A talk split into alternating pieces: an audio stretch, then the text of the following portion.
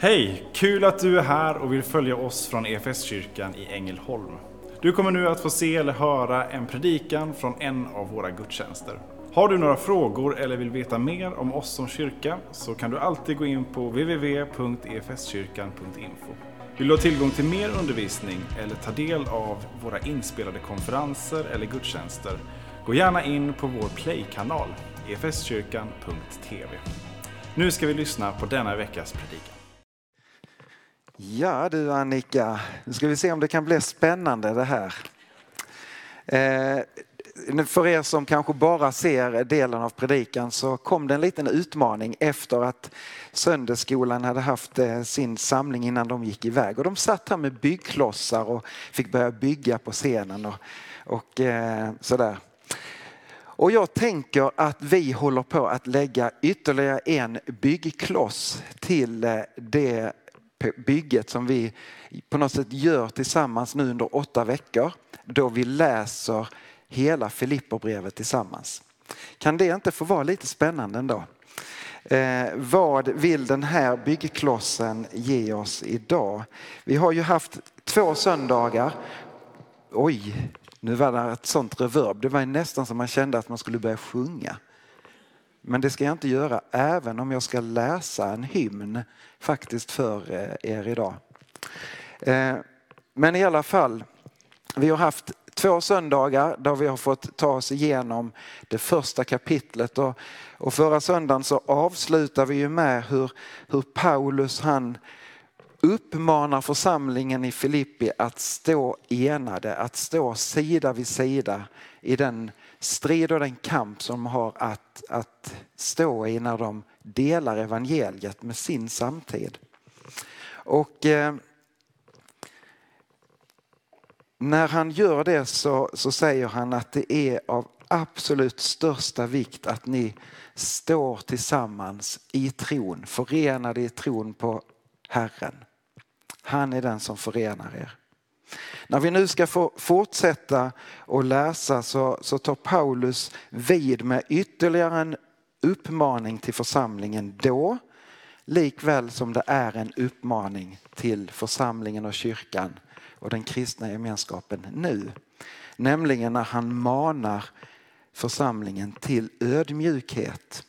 Och han grundar detta i att förhålla oss till varandra och till skapelsen och till Gud precis som Gud förhåller sig till oss som han skapade. Och vi ska få läsa första delen av kapitel 2. Och vi gör några stopp in emellan. De fyra första verserna i Jesu namn. Om det alltså finns tröst genom Kristus om det finns uppmuntran från kärleken och gemenskap från anden. Om det finns ömhet och medkänsla. Gör då min glädje fullkomlig genom att visa enighet. Lev i samma kärlek, eniga i tanke och sinnelag, fria från självhävdelse och fåfänga. Var ödmjuka och sätt andra högre än er själva. Tänk inte bara på ert eget bästa utan också på andras.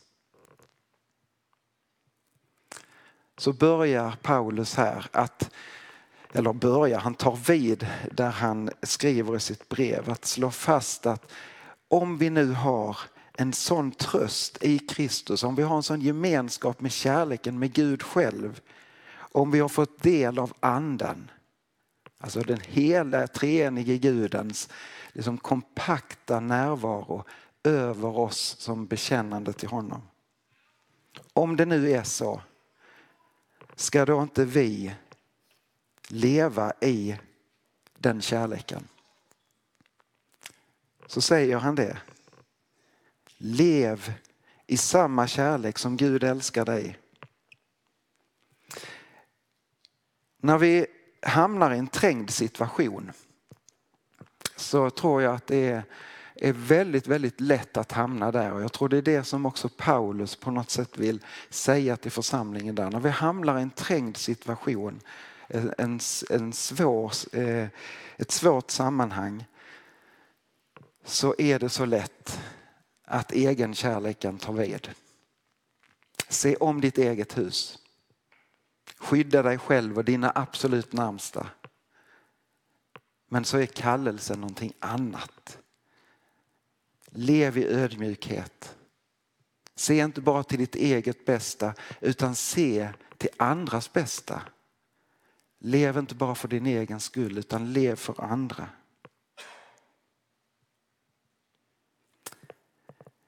Livet med Herren har en annan väg än det som på något sätt i vår skadade natur som människor eh, blir den naturliga vägen. Men det är inte den hela vägen. Se inte bara om ditt eget hus utan ha fokus på andra människor. När man hamnar i, eh, i en svår situation och vi, det, det ryms naturligtvis i livet med Gud att vi får ropa för vår egen skull. Gode Gud förbarma dig över mig. Jag har drabbats av en sjukdom, sorg eller vad det nu än är. Eh, det, men det är så lätt att det stannar där vid. Lyft blicken. Ha fokus på dina medmänniskor. Också slår också Paulus än en gång på den här spiken som är, verkar vara så viktig. Att nämligen stå enade. Han ber om enigheten.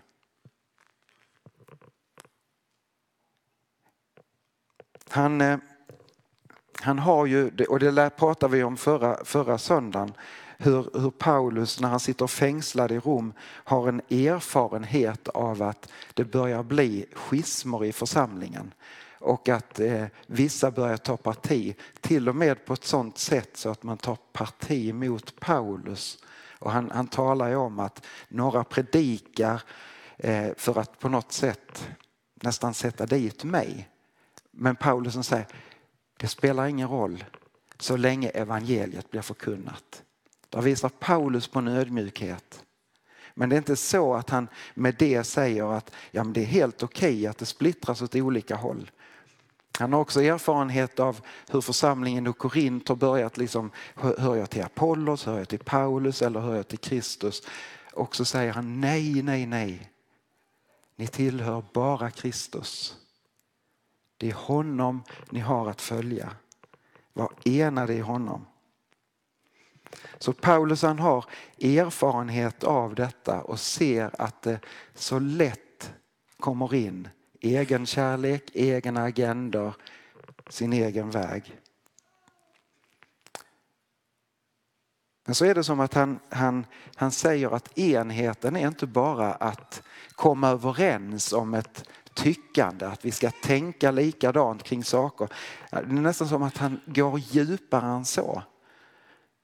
Enhet handlar inte om att, att tycka exakt samma sak utan handlar snarare om hur vi bemöter varandra. Snarare en tankeinriktning än ett tankeinnehåll. Han säger att låt det sinnelag råda som råder hos Gud. Det handlar om en, en vilja och en, en ja, men ett, ett förnyat sinnelag helt enkelt inför varandra. Och så säger han då det, återigen detta, var ödmjuka, se till den andras bästa. Jag tycker, tänker i det så ligger också väldigt mycket av det som är evangeliets på något sätt nästan djupaste essens. Att få leva i förlåtelse. Leva förlåtelsen från Gud över mitt eget liv. Men kanske också som folk, som mänsklighet. Men också leva i förlåtelse inför varandra. Att sträcka den vidare. Där är någonting i oss, den gamle Adam som gör sig påmind, som, som inte automatiskt drar åt det hållet. Därför behöver Paulus påminna om detta. Nu fortsätter vi läsa. Eh, I vers 5 så säger han just detta. Låt er sinnelag råda hos er som också fanns hos Kristus Jesus. Och så tar han tillbaka församlingen till att se på Herren, att se på Gud som ett exempel. Och här kommer han nu att ge ett exempel på Kristus, på Guds kärlek utifrån egentligen frälsningshistorien. Och vi läser vidare i vers 6 och framåt. Vi tar femman en gång till. Låt det sinnelag råda hos er som fanns hos Kristus Jesus. Han ägde Guds gestalt men vakade inte över sin jämlikhet med Gud utan avstod från allt och antog en tjänares gestalt då han blev som en av oss. När han till det yttre hade blivit människa gjorde han sig ödmjuk och var lydig ända till döden, döden på ett kors. Därför har Gud upphöjt honom över allt annat och gett honom det namn som står över alla andra namn för att alla knän ska böjas för Jesu namn i himlen och på jorden och under jorden och alla tungor bekänna att Jesus Kristus är Herre, Gud Fadern till ära. Amen. Här tar vi del av det som vi faktiskt, ja men skulle du lägga på reverbet, nej gör inte det, så skulle jag vilja sjunga den här strofen. Nej, jag, vill, jag vill skona er från det. Men detta kallas Filipperbrevshymnen. Och har en annan stil, just de här verserna, än brevet i övrigt. Den har en mycket mer poetisk ton. Och det kan ha varit så att Paulus har plockat upp denna som en redan sjungen sång i församlingen. Eller i församlingarna. Oftast i samband med att man firade nattvard. Det kan också varit så att Paulus han sätter ord till de här, eh, den här som sen får komma att bli en hymn som i urkyrkan sjungs i samband med nattvardsfirandet. Och när vi läser nattvardsbönen sen så kommer vi att känna igen att den bygger just på den här hymnen. Han ägde Guds gestalt men vakade inte över sin jämlikhet med Gud utan avstod från allt och antog en tjänares gestalt.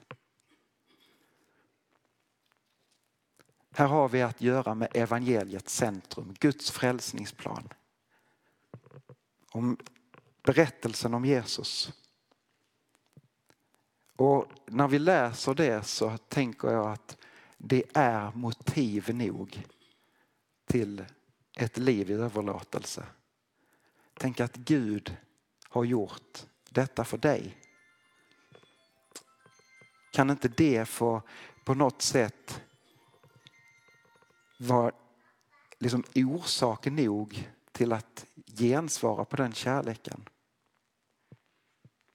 Ibland så kan man fundera, vi pratade om detta i onsdags på Växa vidare när vi, när vi pratade om att dela tron och att leva ett liv att, som återspeglar Guds hjärta var helst jag befinner mig. Varför ska jag göra det? Jo, för att Gud älskar världen. Gud älskar människor. Han älskar varje människa som trampar den här jorden. Han älskar den människa som du möter i din vardag som ännu inte har lärt känna honom på ett personligt sätt. Han har dött för honom, för henne. Precis som han har dött och uppstått för dig. Så låter Paulus Jesus själv vara ett föredöme, men inte bara i yttre mening som ett moraliskt exempel, utan snarare om en livshållning.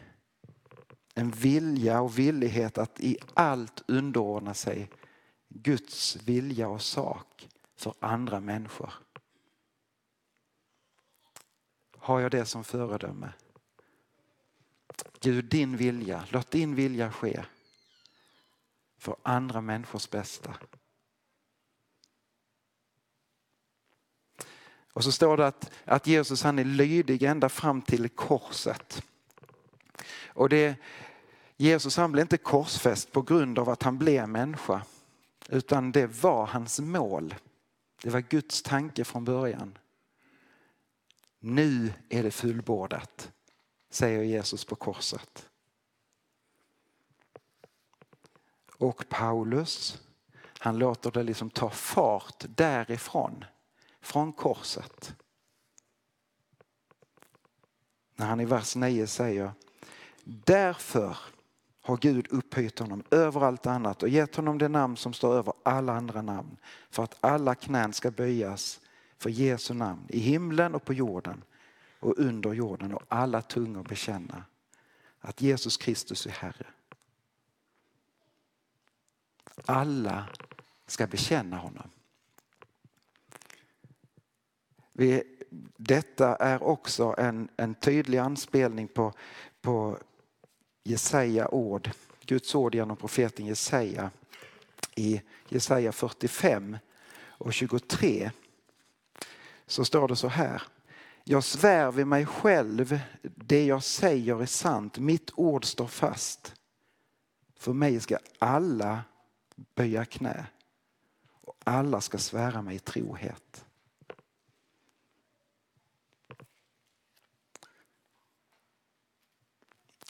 Här har vi att göra med det som är fördolt för oss. Vad innebär detta att alla en gång ska bekänna Herren? Det är som att eh, någonstans kan jag ana en ton av att, att eh, alla kommer att bekänna Herren på den yttersta dagen. Vare sig man vill eller inte. Men Bibeln talar också om en dubbel utgång att det är risk att människor går förlorade. Eh, och kan det vara så att människor har genom sitt liv förhärdat sitt hjärta så till den milda grad så att man också får, när man ser vem Jesus är bekänner honom men ändå tackar nej. Tack och lov är inte jag Gud. Det ligger i hans hand. Men det kommer en dag då alla kommer att förstå. Också den värsta förnekaren.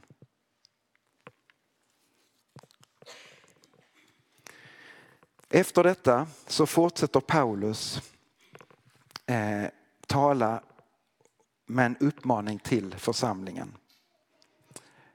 Om han först i slutet på kapitel 1 talar om en uppmaning till församlingen att stå i enhet och sen att tala till församlingen med en uppmaning att leva i ödmjukhet så uppmanar han nu församlingen till fasthet. Och detta återigen utifrån vad Jesus han har gjort. Och vi fortsätter att läsa verserna 12 till 18. Därför, alltså sådana här ord därför, det är, lägg märke till dem för de är oftast en brytpunkt. De knyter an till det som har sagts precis innan och så har det en betydelse. Därför, mina kära, ni som alltid har varit lydiga, arbeta med fruktan och bävan på er frälsning. Inte bara så som när jag var hos er, utan ännu mer nu när jag är långt borta.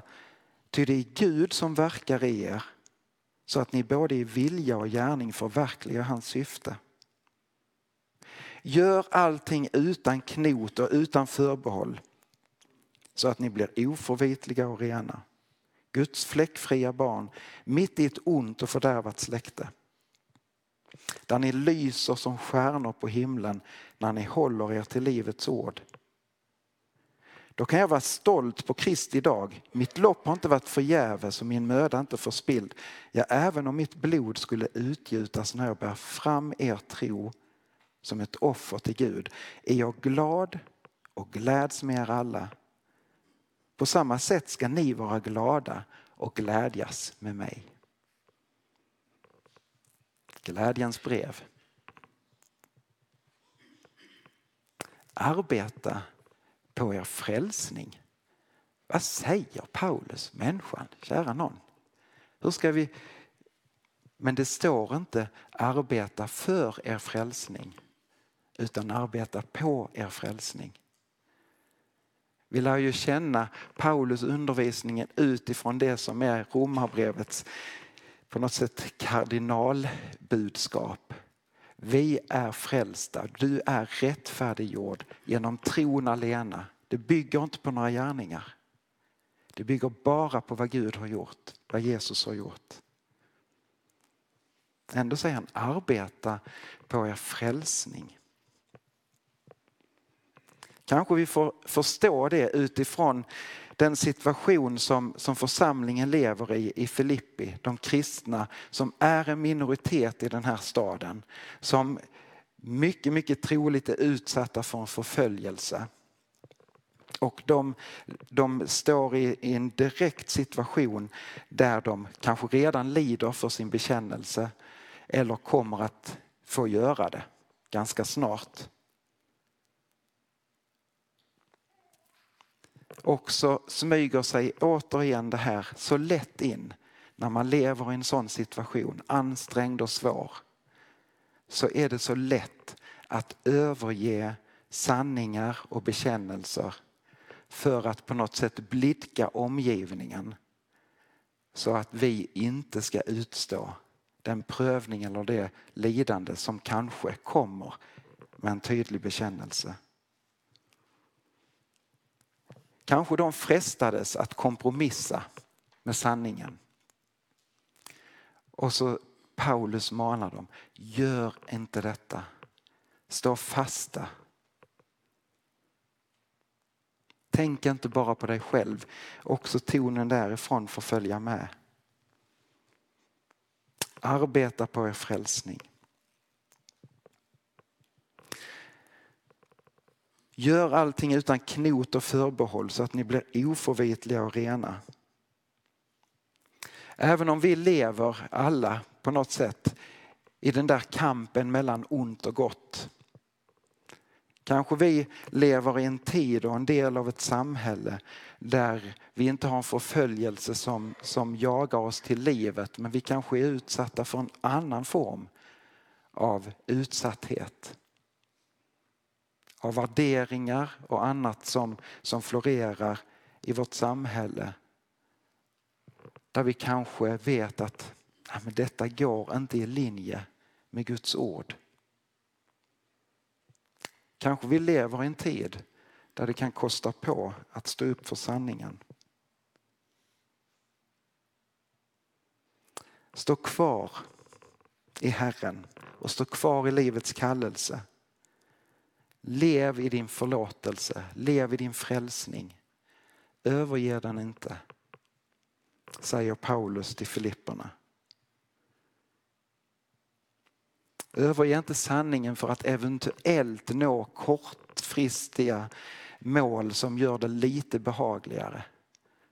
Utan stå fast vid det som håller in i evigheten. Och så säger han ni ska veta om att ni står inte ensamma i detta utan Gud själv står med er. Han som verkar i er, både i vilja och gärning. Guds ande går med dig min vän. Varje dag, varje sekund. Det finns inte ett tillfälle då Jesus lämnar din sida.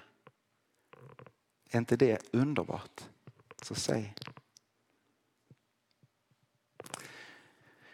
När Paulus han säger så här till församlingen att de, de lever, ni är de oförvitliga och de är rena, ni är Guds fläckfria barn mitt i ett ont och fördärvat släkte. Så vet jag inte vad du känner i ditt hjärta men ibland så känner jag mer att jag är en del av det där släktet som är fördärvat. Men återigen, det handlar inte om mig utan det handlar om Kristus. I tron på honom får vi tvättas rena.